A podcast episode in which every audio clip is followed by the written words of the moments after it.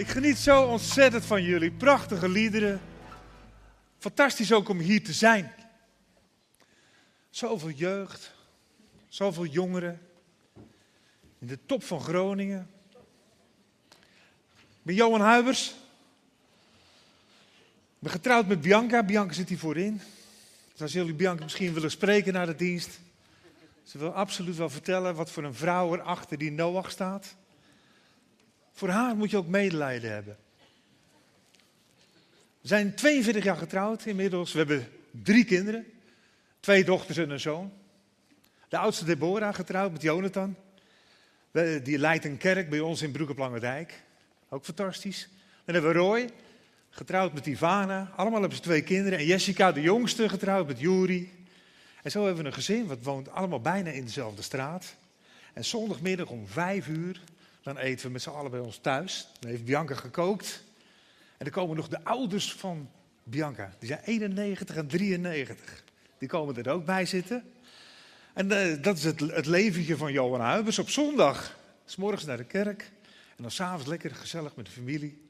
Ik ben een ontzettend gezegend man. Sowieso met zo'n mooie vrouw. De mooiste vrouw ter wereld. En het, nou, nou, ik heb eigenlijk wel het mooiste leven wat je kan bedenken. Hoe is dat gekomen? Ja, dat is vanavond al gezegd door de Bijbel. Ging dat vanzelf? Nee, natuurlijk ging dat niet vanzelf. Ik ben als jongetje altijd wel meegenomen naar de kerk. Naar de Nederlandse vormde kerk bij ons in Broek op Lange Dijk. In Noord-Holland, vlakbij Alkmaar. En er zijn vanavond ook wat mensen uit Herengewaard meegekomen. Althans, dat wist ik natuurlijk niet. Maar ik vind het wel ontzettend leuk dat ze er ook zijn. Als jongetje meegenomen naar de kerk. En uh, vond ik dat altijd leuk? Nou ja, je deed dat uit gewoonte. Ik denk dat dat wel, iedereen wel een klein beetje herkent. Tot ik 17 was. En ik wist het eigenlijk niet goed meer. Van ja, bestaat God nou wel? En uh, ik merk er eigenlijk ook niet zoveel van. Echt een verwend jongetje, weet je wel. Dat je alles hebt. Je mag op vakantie, je krijgt kleren. En je moeder en je vader zijn er en die koken voor je. Je hebt broers en zussen. Ik ga niet naar de kerk, pap, zei ik toen. Ik was 17. Oh, is goed hoor. Zei die, had ik nooit verwacht. En die, die dienst dat ik dan thuis zat, alleen, en al mijn broers en zussen, ik heb er tien, waren naar de kerk. Het was zo stil in huis. Ik denk, dat doe ik nooit meer. En toen ben ik even weer naar de kerk gegaan, de zondag daarna. En ik deed uh, daarna zondagschool. Ik vond het eigenlijk wel leuk om van God te gaan vertellen. En die Bijbel, ja, die gebruikte ik dan alleen om de kinderen voor te bereiden op uh, waar de dienst over zou gaan. Maar het was nog niet echt in mijn hart gedaald. De zekerheid van het eeuwig leven. Mij werd geleerd dat je dat niet toe mocht eigenen. Nou, nu weet ik wel anders. En het is geen toe-eigenen. Het is vanavond ook al gezegd en gezongen door de band. Dat we het zeker mogen weten dat de Heer Jezus aan het kruis is gegaan voor onze zonden. En even om daarin te haken, en dat is niet uh, om bedweterig te doen. Want dan zeggen we ook wel dat hij nedergedaald is ter helle. En de derde dagen is weder opgestaan. Maar we lezen in 2 Petrus 4 dat hij ter helle is gedaald. Wat ging hij daar doen? Hij ging daar de mensen het evangelie verkondigen die voor Noach gestorven waren. Die verdronken waren door de vloedgolf die de ark ging dragen en mee zou nemen. Kun je dat voorstellen? Dus toen was zelfs Jezus Christus nog aan het werk. In zijn dood. Nou, toen was ik uh, eh, 24. En toen werd ik gevraagd, ik was inmiddels getrouwd met Bianca, al twee jaar. Werd ik gevraagd om de tussenclub te leiden. Dat waren jongelui tussen de 20 en de 25. En ja, dat was wel gezellig. En we deden de inleiding en het spel. En we gingen gewoon gezellig even koffie drinken en dat soort dingen. Maar tijdens de inleiding stelden ze ook vragen. Van waarom Jezus, Gods zoon, aan het kruis. Waarom moest dat? Had God dat niet anders kunnen doen? Ik had er niet zozeer antwoord op. Er was geen Google, dat je dat even kon googlen, kon vinden. Nee, zei ik, volgende week dan weet je het. En die vrijdag erop moest ik zorgen dat die vragen beantwoord zouden worden.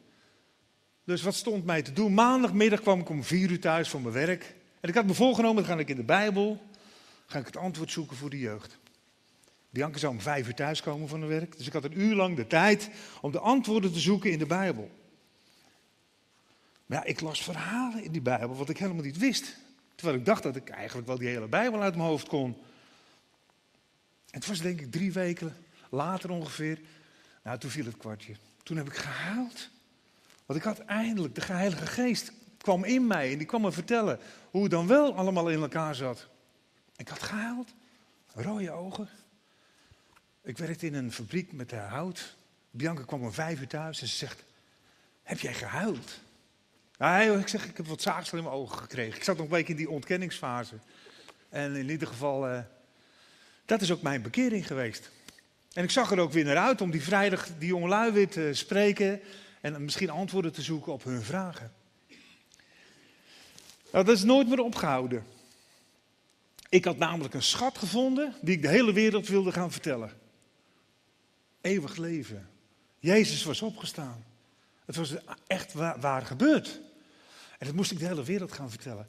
En mijn gebed was dat ik het stadion bij ons in Alkmaar, het AZ-stadion, zou afvuren. En toen in die tijd de Backstreet Boys uitnodigen en dan in de pauze van God vertellen.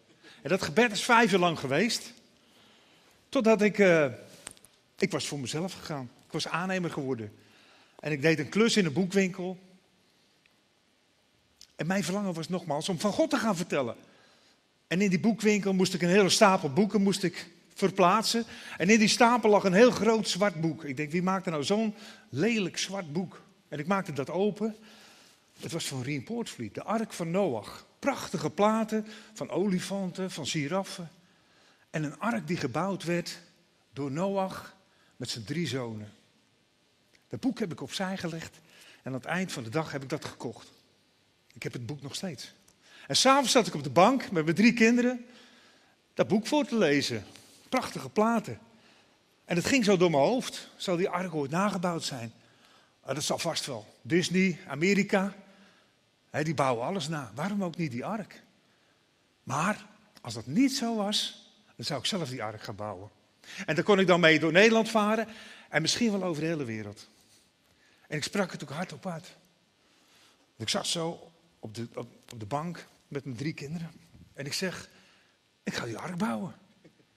En dat kan ik van God vertellen. En Deborah was zeven jaar oud en die wipt van de bank, die rent naar de moeder, die deed de afwas. En zegt, mam, pap gaat van Noach bouwen. Nou, zegt Bianca, allemaal nooit niet. Als dat zo is, dan gaan wij op vakantie naar de maan.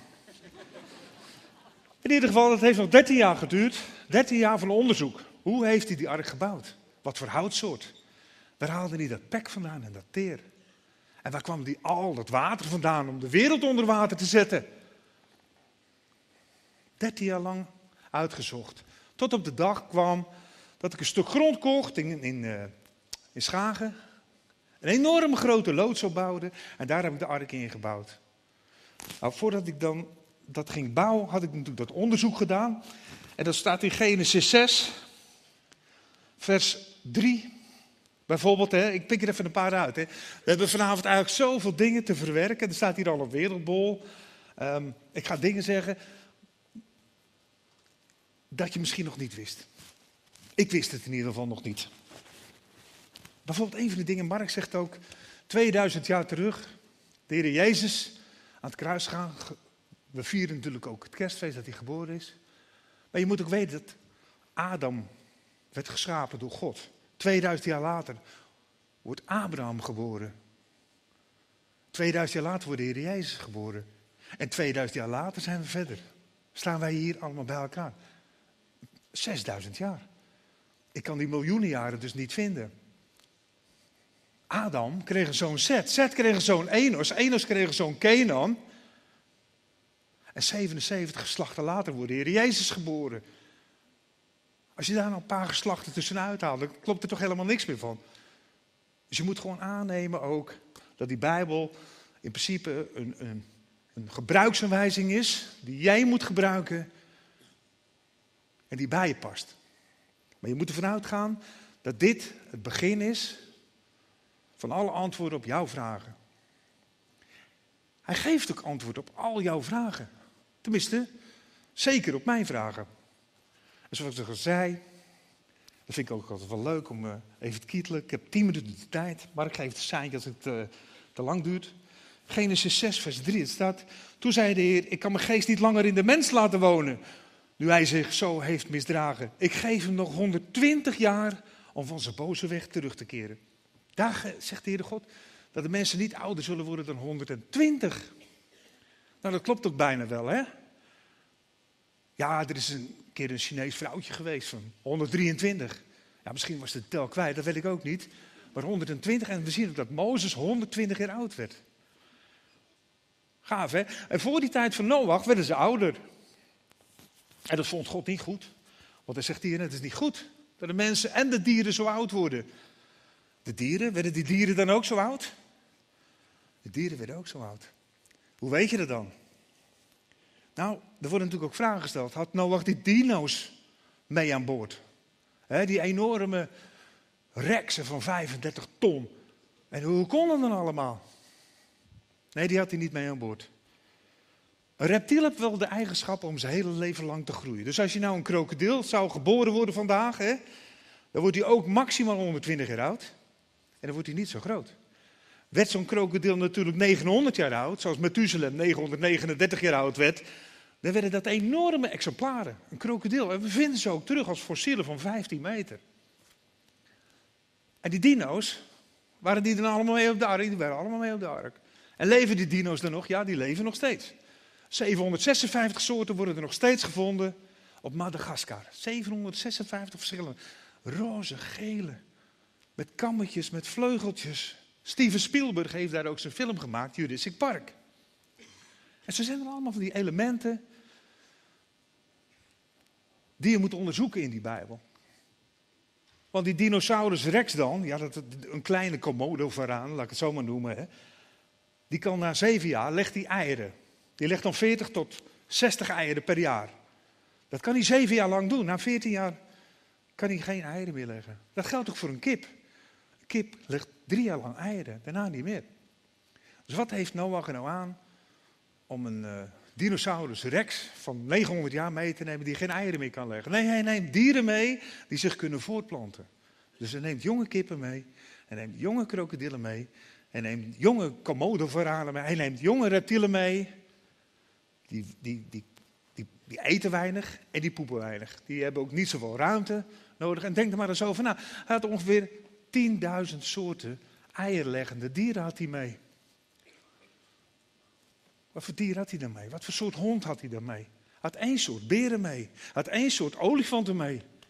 En die hebben zich aangepast aan de omgeving. Bijvoorbeeld had hij een ijsbeer mee? Nee, hij had geen ijsbeer mee. Als je een ijsbeer uh, zou scheren, is hij zwart. Net zoals de bruine beer. Als ze mij nou naar de Noordpool zouden sturen, naar de Eskimo's, dan ben ik met een week dood. Dan vriest mijn neus eraf, mijn oren, want dat, daar kan ik niet tegen. En die Eskimo's die zijn langzamerhand naar de Noordpool getrokken en die hebben weten te overleven daarin.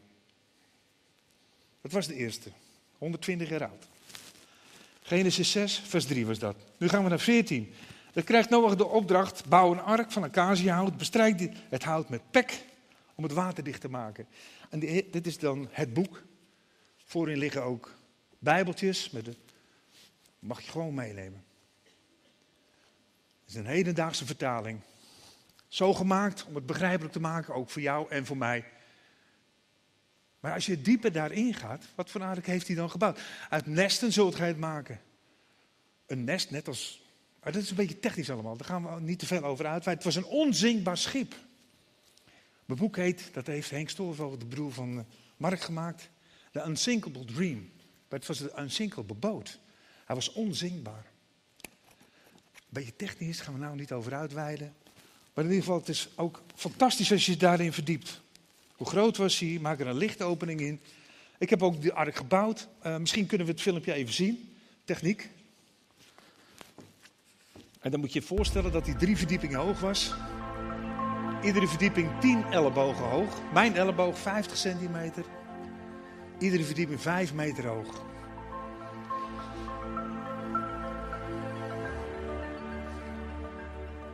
De ark die je krijgt te zien is 122 meter lang. 29 meter breed. Breder dan deze zaal. Langer dan deze zaal. En 27 meter hoog.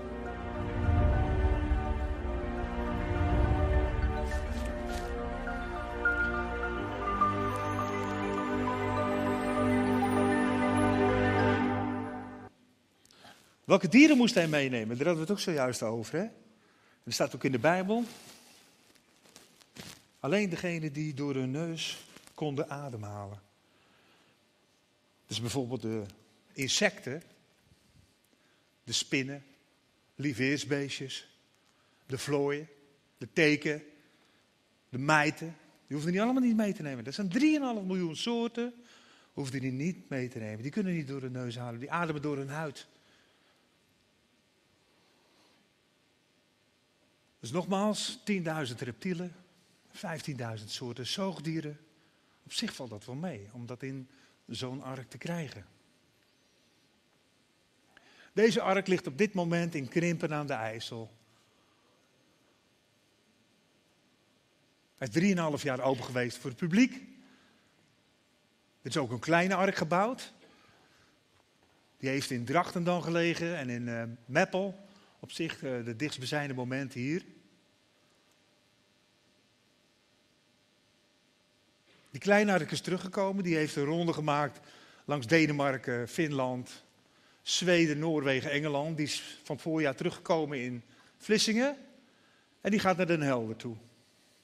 En dan blijft hij waarschijnlijk tot aan het eind van zijn tijd liggen.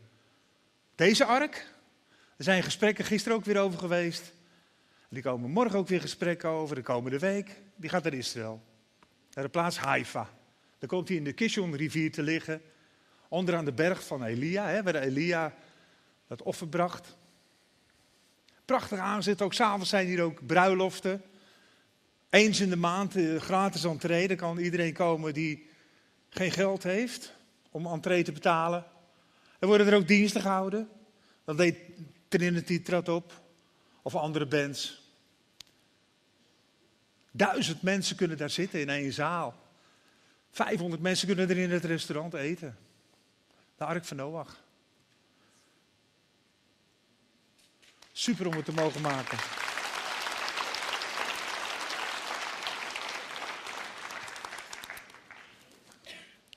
Ja, super indrukwekkend. En we begrijpen dat het natuurlijk ook heel veel vragen oproept. Nou, en dat mag. Uh, we gaan zo meteen weer uh, verder met de band. Waar zitten jullie daar? Uh, liederen zingen. Maar tijdens de aanbidding mag jij, als je dat wil, um, daar aan de linkerkant van het kruis lopen. Daar staat Jochem. En dan mag je een vraag stellen aan Johan over de ark van Noach. Elke vraag die je maar die maar in je opkomt. Kan dit wel, kan dat wel, hoe zit dat dan? Mag je vragen.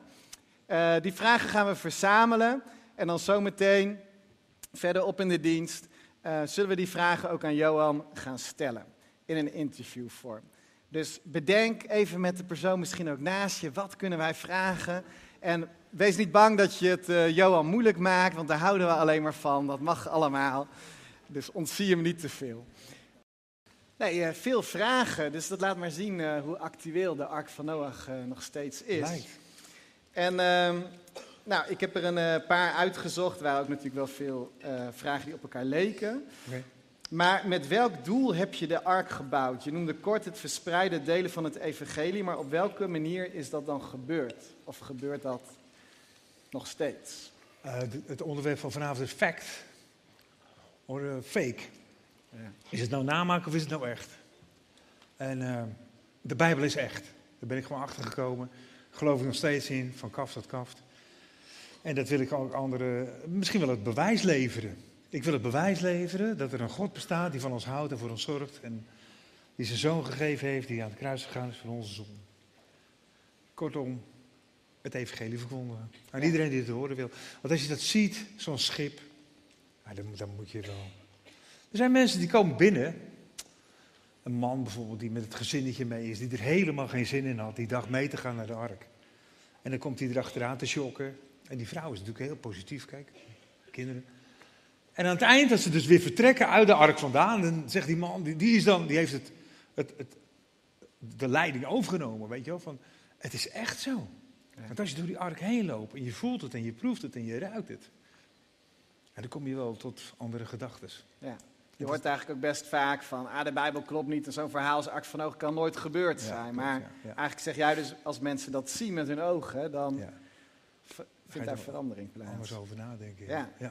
Hey, en wat ook heel, dat was eigenlijk de meest voorkomende vraag. Hoe lang heb je daar nou eigenlijk over gedaan? Oh, ja. En heb je dat allemaal alleen gedaan, net Nee, zoals. Noach met een, eh, met een eh, hamer en een zaag? Of eh, Nee, gaat de- dat anders? in De eerste ark die is dan eh, 70 meter lang, 10 meter breed, 13 meter hoog. Dat is het grootste schip wat ooit door Nederland heeft gevaren. Dat, dat is gebouwd in 16 maanden tijd Zo. met mijn kinderen. En mijn twee dochters en mijn zoon. Toen die grote ark, daar zijn we in 2008 mee begonnen. Dat is laswerk, dat is slijpen. Dat is veel groter natuurlijk. En er komen eh, kranen, dat is veel groter. Die is 14 keer zo groot. En die heb ik gebouwd met eh, nou, jongens die er natuurlijk echt verstand van hadden. Echte lassers. Maar daar waren mijn kinderen ook weer bij betrokken. Dus morgens vroeg, dan vertrokken we om 6 uur. En s'avonds om 6 uur kwamen we weer thuis.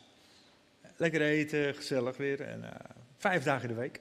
Zo, Dus met mijn kinderen ook weer. Maar met, met skills erbij. Hè? Dus met eh, mensen die er echt verstand van hadden. ja. Dus het ging wat sneller dan Noach eh, Ja, zelf. het heeft vier jaar en twee maanden geduurd, de tweede ark.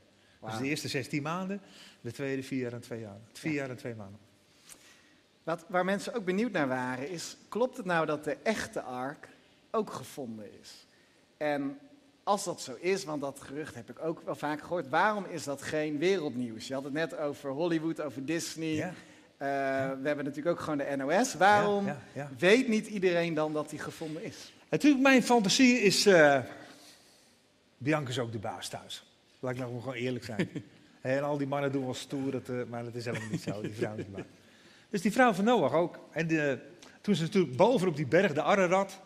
Hè, die ligt nu helemaal vol met ijs. Stranden. Ararat, waar is dat? De Ararat ligt op de grens met Irak, Turkije en eh, Iran. Is een berg, drie kilometer hoog, en daar moet hij op gestrand zijn. Maar moet je je voorstellen, hè? Dus de, de daarop. Dat is ook leuk, hè? Hij ging eh, 17 februari gingen ze varen. Toen kwam er de regen. 40 dagen later, toen stopte de regen, zeg maar. Hè? En 1 oktober, toen, ging de, toen kwamen ze tegen de berg de Ararat aan. Hè? Even, even in het kort hoor, mag. En in ieder geval 1 januari, dan gaat Noach uit de boot. Dan opent hij de deur en dan gaat hij vegetables, gaat hij dus groenten kweken buiten. Want die dieren die hebben een jaar lang binnen gezeten. Misschien hadden ze wel sinaasappels mee en dergelijke. Maar ze moesten weer groen voer hebben. En dan zie je 28 februari, dus precies een jaar en tien dagen later, dan gaan de dieren er weer uit. Op de berg Ararat, zo koud. Dus die vrouw van Noach heeft gezegd, Noach, je bouwt voor mij een huisje beneden aan de berg. Er waren geen bomen meer, alles was kapot. En Noach die heeft wat planken van het dak afgetrokken, van het dak van de ark, die was gestrand, was niet meer nodig. Heb je naar beneden gebracht, daar heb je een huisje van getimmerd. Die drie zoons van hem, hun vrouwen, zeiden ook, nou mogen wij ook eh, wat planken van het, van het dak afhalen, om ook huisjes te bouwen voor onze vrouwen. Dus na een week was het hele dak er al af. En er moest gekookt worden. Hè, het water moest gekookt worden, het eten moest weer gekookt. Dus ze gebruikten daar ook brandhout voor. Allemaal van de ark. En er moesten, fans, er moesten hekken gemaakt worden voor de leeuwen, want anders vraten die de schapen op. En zo moest er allemaal hout gebruikt worden. Misschien ook weer voor Ar- Arpaksat, hè, die geboren werd. Er werd ook weer een huisje voor gebouwd. Dat na 200 jaar was er niks meer van de ark over. En werd het een soort bedevaartsoord waar mensen naartoe gingen in de vakantie. Om gelijk wat hout mee te nemen naar beneden en spijkers. Dat lag er allemaal. En we vinden daar wel vijf huisjes van 4 bij 4 meter en 4 meter hoog. Allemaal oud hout, gebruikt hout. Dus misschien zijn dat nog van die bedevaarthuisjes geweest van Arpaksat met zijn vrienden. Of van Monnika later, die het hout gebruikt hebben voor die ark. Maar dat ligt allemaal onder het ijs. En dat is pas sinds tien jaar zijn die, die gletsjers gaan smelten. En zijn die huisjes tevoorschijn gekomen. Maar de ark is nooit meer gevonden. Nee? Nee. Oké. Ja. Nou, Lang antwoord, hè? dat is een heel duidelijk antwoord. Gewoon logisch nadenken eigenlijk. Hè? maar je zei het net al eventjes, van eh, misschien waren de sinaasappels in de ark. Ja. Dit vind ik ook eigenlijk wel een hele intelligente vraag. Hoe kwam Noach aan al dat voedsel? Ja, Als je toch bijna een jaar lang al die dieren te eten moet geven. Ja, Hoe deed hij dat? Ik had je al verteld dat er natuurlijk eh, kleinere exemplaren waren. Zo'n kip die scharrelt wel zijn eigen koosje bij elkaar. En die muis en die rat. Maar dat, dat lukt allemaal wel. Die vreet een beetje het afval van, van de grotere dieren krijgen. Bijvoorbeeld de olifant, ja, die gebruikt wel eh, inderdaad 110 kilo aan stro per dag. En dan poept hij ook weer. Ja, dat, maar dat valt even goed wel mee hoor. 110 dat, eh, maal 365, dat is eh, een paar ton aan voedsel had alleen die olifant nodig. En die krokodil, dat viel best wel mee. Sowieso waren ze 40 jaar eigenlijk uh, zonder eten. Het was best wel spannend op die boot. 40 dagen lang. Die regen op het dak en het schommelen van die bark, ark heen en weer. Dus er was niet zoveel voedsel nodig. Nee, dat valt best wel mee. Ja. Juist omdat je zegt, die kleinere exemplaren, de jonge dieren, ja. die hadden nog niet zulke grote magen. Nee, inderdaad. Dus, uh, ja. ja. Um,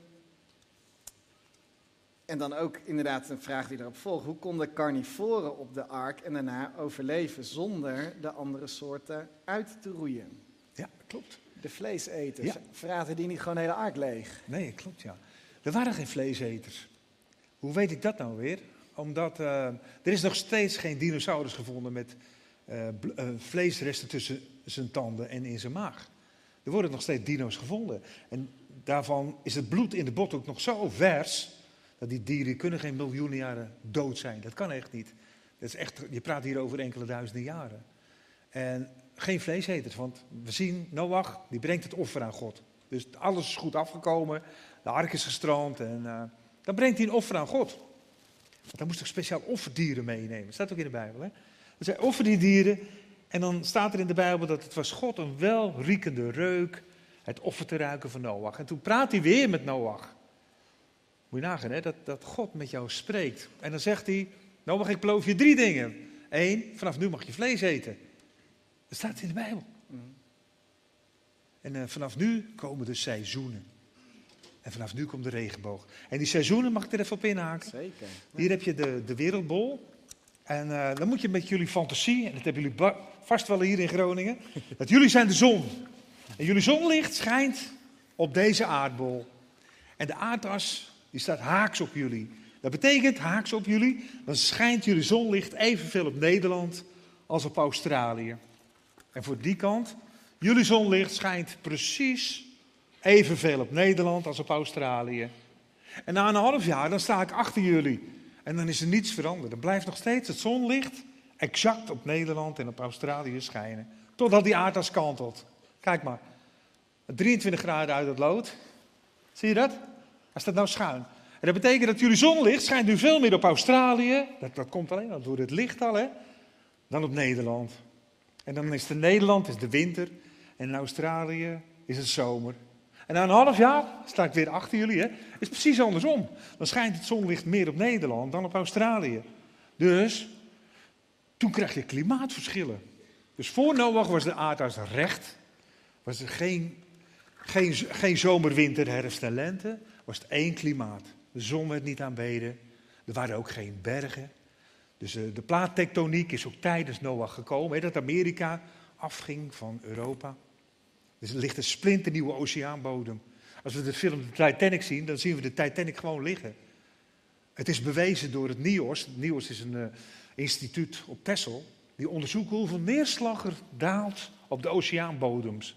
En er is onderzocht, en het onderzoek heeft 60 jaar lang geduurd, dat er een halve millimeter modder neerdaalt op de oceaanbodem. En die modder die komt van zandstormen, van zand uit de rivieren vandaan. En er daalt een halve millimeter per jaar op de Atlantische oceaanbodem. Als je nou doorrekent, er ligt ongeveer 2 meter, 2000 millimeter, 4000 jaar neerslag ligt er maar op de zeebodem. En we zien de tijd in ik gewoon liggen. En als dat miljoenen jaren geduurd heeft, dan had er natuurlijk een berg modder moeten liggen van honderden meters dik. Het is ook een basaltbodem. Het is een splinternieuwe. De oude bodem, de oude wereld van voor Noog hebben we eigenlijk nooit teruggevonden. Gek genoeg. En dan die plaattectoniek, hè, die zorgt er ook voor dat er bergen ontstaan. De Himalaya bij India. India duwt tegen de Himalaya. En dat is met het Atlasgebergte en met de Alpen en de Apennijnen. Dat is allemaal door plaattectoniek die tegen elkaar duwen, zijn die bergen ontstaan. We vinden ook schelpen bovenop de top van de Himalaya. Hoe komen die daar dan? Waanzinnig interessant. De seizoenen. En dat is dus dat vleeseters, die zijn dus. Na Noach is eigenlijk de zondeval voor de dieren gekomen, als ik het zo mag zeggen. En kan dan een leeuw, kan die dan fruit eten? Ja, wij hebben drie maanden in Ethiopië gewoond en er was een, eh, een leeuw in de dierentuin, in de zoo.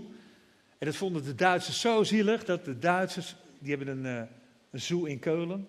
En die vroegen of ze die leeuw mochten adopteren. Maar dat hebben ze, die leeuw hebben ze ook meegekregen, waarschijnlijk is daarvoor betaald.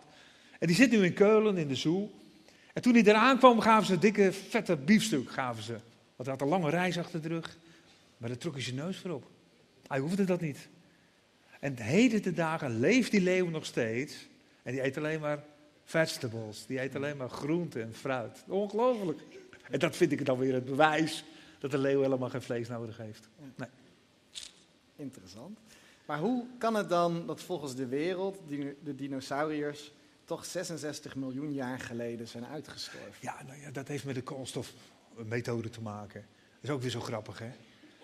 Uh, de koolstofmethode die kunnen ze detecteren. De, de, de, de, kunnen ze tot 5750 jaar kunnen ze het voor 50% detecteren. En ze gaan vanuit van het leven. Jij leeft nu op dit moment nul.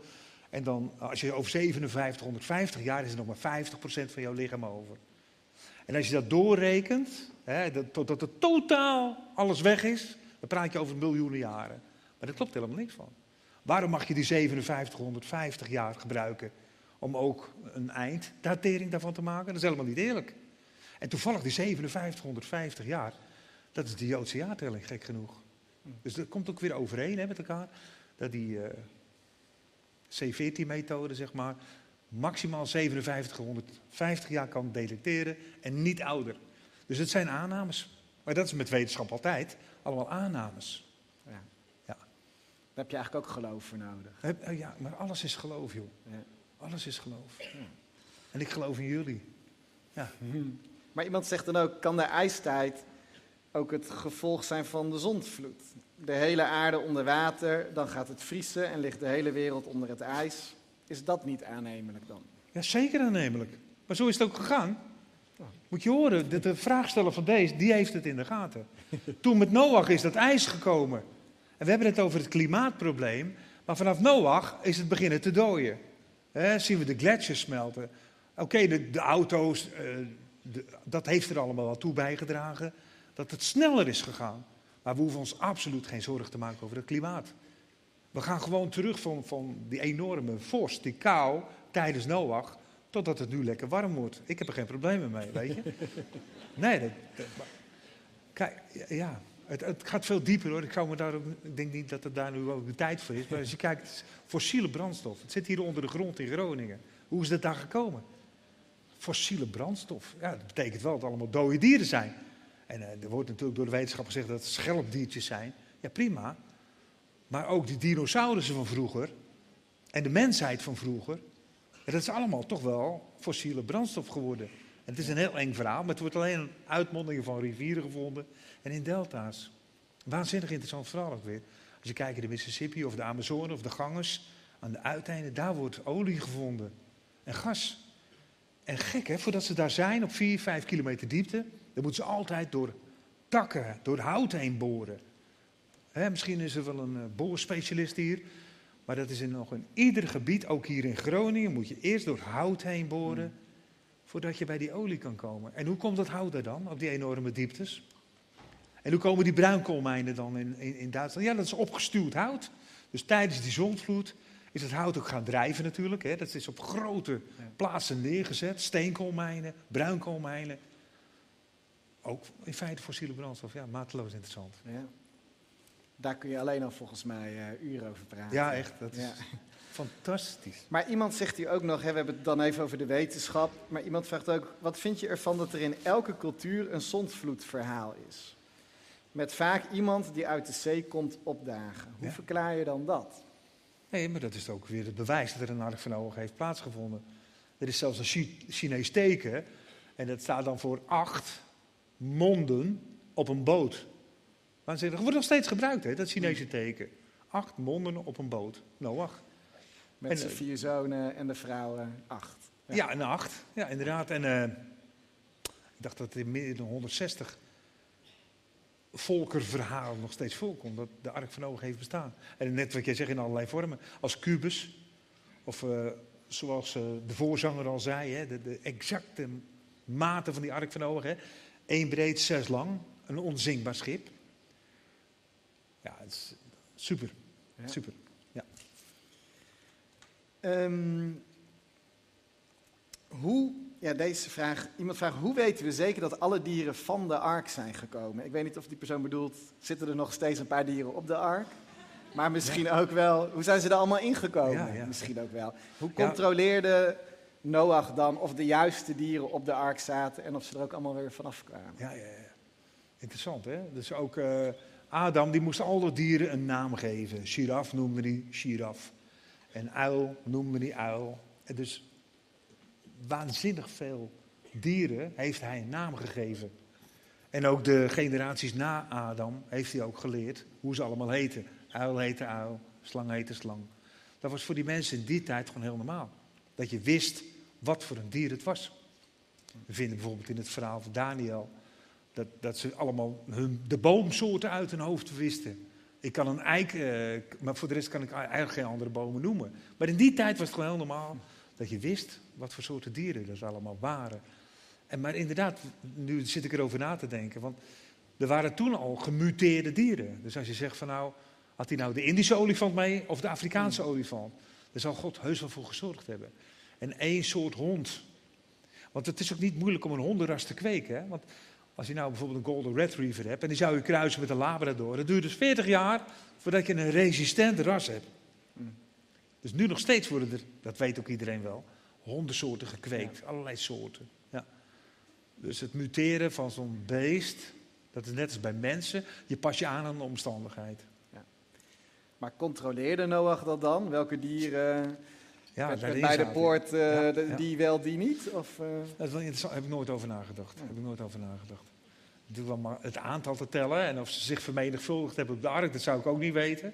Ik denk zeker wel dat daar ook eh, gemeenschap was ook onder die dieren. En dat ze, als ze uit de ark kwamen, dat ze dan al jongen Ja. voortbrachten. gelukkig duurt het bij olifanten een tijdje, toch? Ja, inderdaad, ja. Dat is 13 maanden, dacht ik. Ja. Ehm, hoe wisten ze toen al dat er allerlei dieren waren die niet door de neus ademhaalden? Daar had je het net al eventjes over in je introductie. Ja, ja, ja. ja. 3,5 miljoen soorten. Hoe kwamen ze daarachter? Hoe wisten ze dat? Ha, wat een moeilijke vraag. Wat zijn jullie intelligent hier, zeg, in Groningen. Ehm, daar kan ik niet zo goed antwoord op geven, eigenlijk. Denk, Maar allicht, kijk, ik wij- denk misschien als theoloog zijn. Hè? Denk je niet dat God gewoon dat God de dieren uitzocht die naar de ark gebracht werden? Tuurlijk, dat staat er ook in en dat geloof ik ook absoluut zeker. Maar eh, zoals ik al zei in het begin, ik wil alles bewijzen. Ik, ik wil het bewezen hebben. Ik heb ook altijd bijvoorbeeld een muntje bij me. Dat komt uit de tijd van Augustus. 2000 jaar terug is natuurlijk de Heer Jezus geboren. En er staat ook op dat muntje zoon van God. En Jezus, mensen hier in de zaal, die kunnen dat verhaal ook wel. De vraag is dan, Jezus, moet je belasting betalen? Dus het geven ze een muntje. En wat staat er op die munt? Ja, zoon van God. Geef aan de keizer wat, het- wat van hem, Hmm. waar hij recht op heeft. En geef aan mij waar ik recht op heb. Zo. Dus ik wil altijd alles bewijzen. En er zijn dingen die ik niet kan bewijzen. Dat Jezus eh, mensen uit de dood haalde. Hè? Nee. Nee, dan moet je het toch overlaten aan God. En eh, op een dag zullen we het weten. Ja. Ja. Maar goed, jij helpt ons al heel erg door eigenlijk over dingen na te denken waar de meeste van ons denk ik niet over nadenken. Misschien alleen degene met de vraag over de ijstijd, hè, die dat al eh, Ja, goed door had. Maar heb jij, ehm, ja, allereerst kunnen wij die ark nog steeds bekijken? En waar dan? En hoe dan? Nou, de kleine ark, dat heb ik al gezegd, die ligt nu in Zeewolde. Dus daar kan je de kleine gaan bekijken. Die komt binnenkort naar Den Helder. Dat is al ligt een stukje dichterbij dan eh, Zeewolde. Eh, de grote ark die ligt nu in Krimpen aan de IJssel. En die is soms voor geleden, gelegenheden wel open. Maar eh, die gaat vertrekken misschien nog wel een jaar later, ik weet het niet. Maar het is wel het- op het laatst dat hij weggaat uit Nederland mogelijk om hem te bezichtigen. Ja. Dus zou ik voorstellen om met de bus eh, eventjes naar Krimpen aan de IJssel te komen. En dan kan je daar nog even de, de ark bekijken. Dus goed eh, social media in de gaten houden. Ja, toch? eh, ja. ja. Leuk. Hey, en als laatste, kijk, ik kan me voorstellen dat veel mensen hier denken, nou, het gaat allemaal wel heel snel en misschien dat bepaalde antwoorden van jou ook wel weer nieuwe vragen oproepen. absoluut. Ehm, heb je ook leestips voor ons? Van, hey, als je meer over dit onderwerp wil weten, ga dat boek lezen, dan eh, krijg je meer achtergrondinformatie. Ja. Nou, dan heb ik één leestip. En dat is, dat daag ik jullie ook wel uit. En jullie hebben allemaal de telefoon. Als je een bijbeltekst wil opzoeken, En ik ben nog een beetje van de ouderwetse stempel. Hè. Ik heb altijd nog een bijbeltje bij me waar ik aantekeningen op maak. En ik heb vaak één keer per jaar een nieuwe bijbel nodig. Dan uh, schrijf ik de echt belangrijke dingen achterin, wat ik, wat ik niet wist of wat ik nog moet zoeken. Ja, erop als ik een nieuwe bijbel pak, dan schrijf ik erover en denk ik, hé, waarom heb ik dat eigenlijk opgeschreven? Dat wist ik, wist ik toch al? En zo wil ik jullie eigenlijk uitdagen, als je dat niet gewend bent, om een bijbeltje mee te nemen wat hier op het podium ligt. En sowieso met een uh, Ark van Noach plaatje voorop. Boek Genesis staat daarin. En dan begint het bij het Nieuwe Testament. Dat vind ik makkelijk. Maar dan daag ik jullie uit om zo'n bijbeltje mee te nemen, als je geen bijbeltje thuis hebt.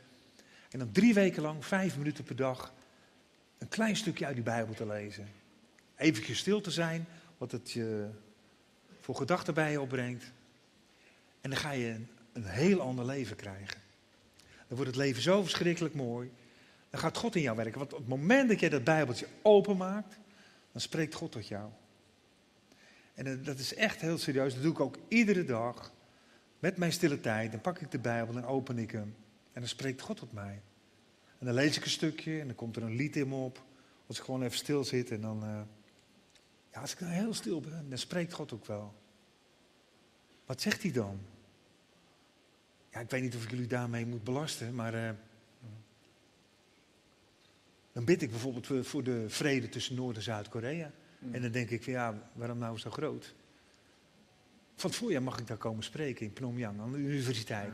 En dan hoop ik door te kunnen dringen uh, naar Kim Jong-un en hem te vertellen van God. En hem te vertellen dat hij, uh, dat hij moet bekeren. En niet deze wereld moet gaan vernietigen met kernwapens of wat dan ook.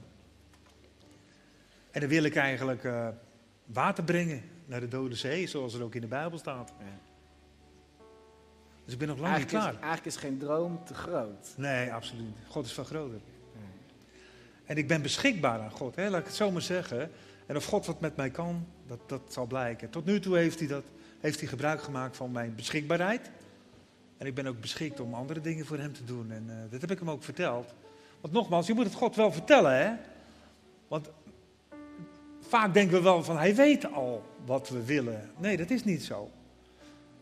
Roy, mijn zoon, die heeft zijn rijbewijs pas en die rijdt in zijn nieuwe auto, rijdt hij tegen een boom aan. Om wat voor reden ook. Dus s'nachts om half twee belt hij mij op. Pap, met Roy, ik heb een ongeluk gehad. Ik zeg, waar ben je?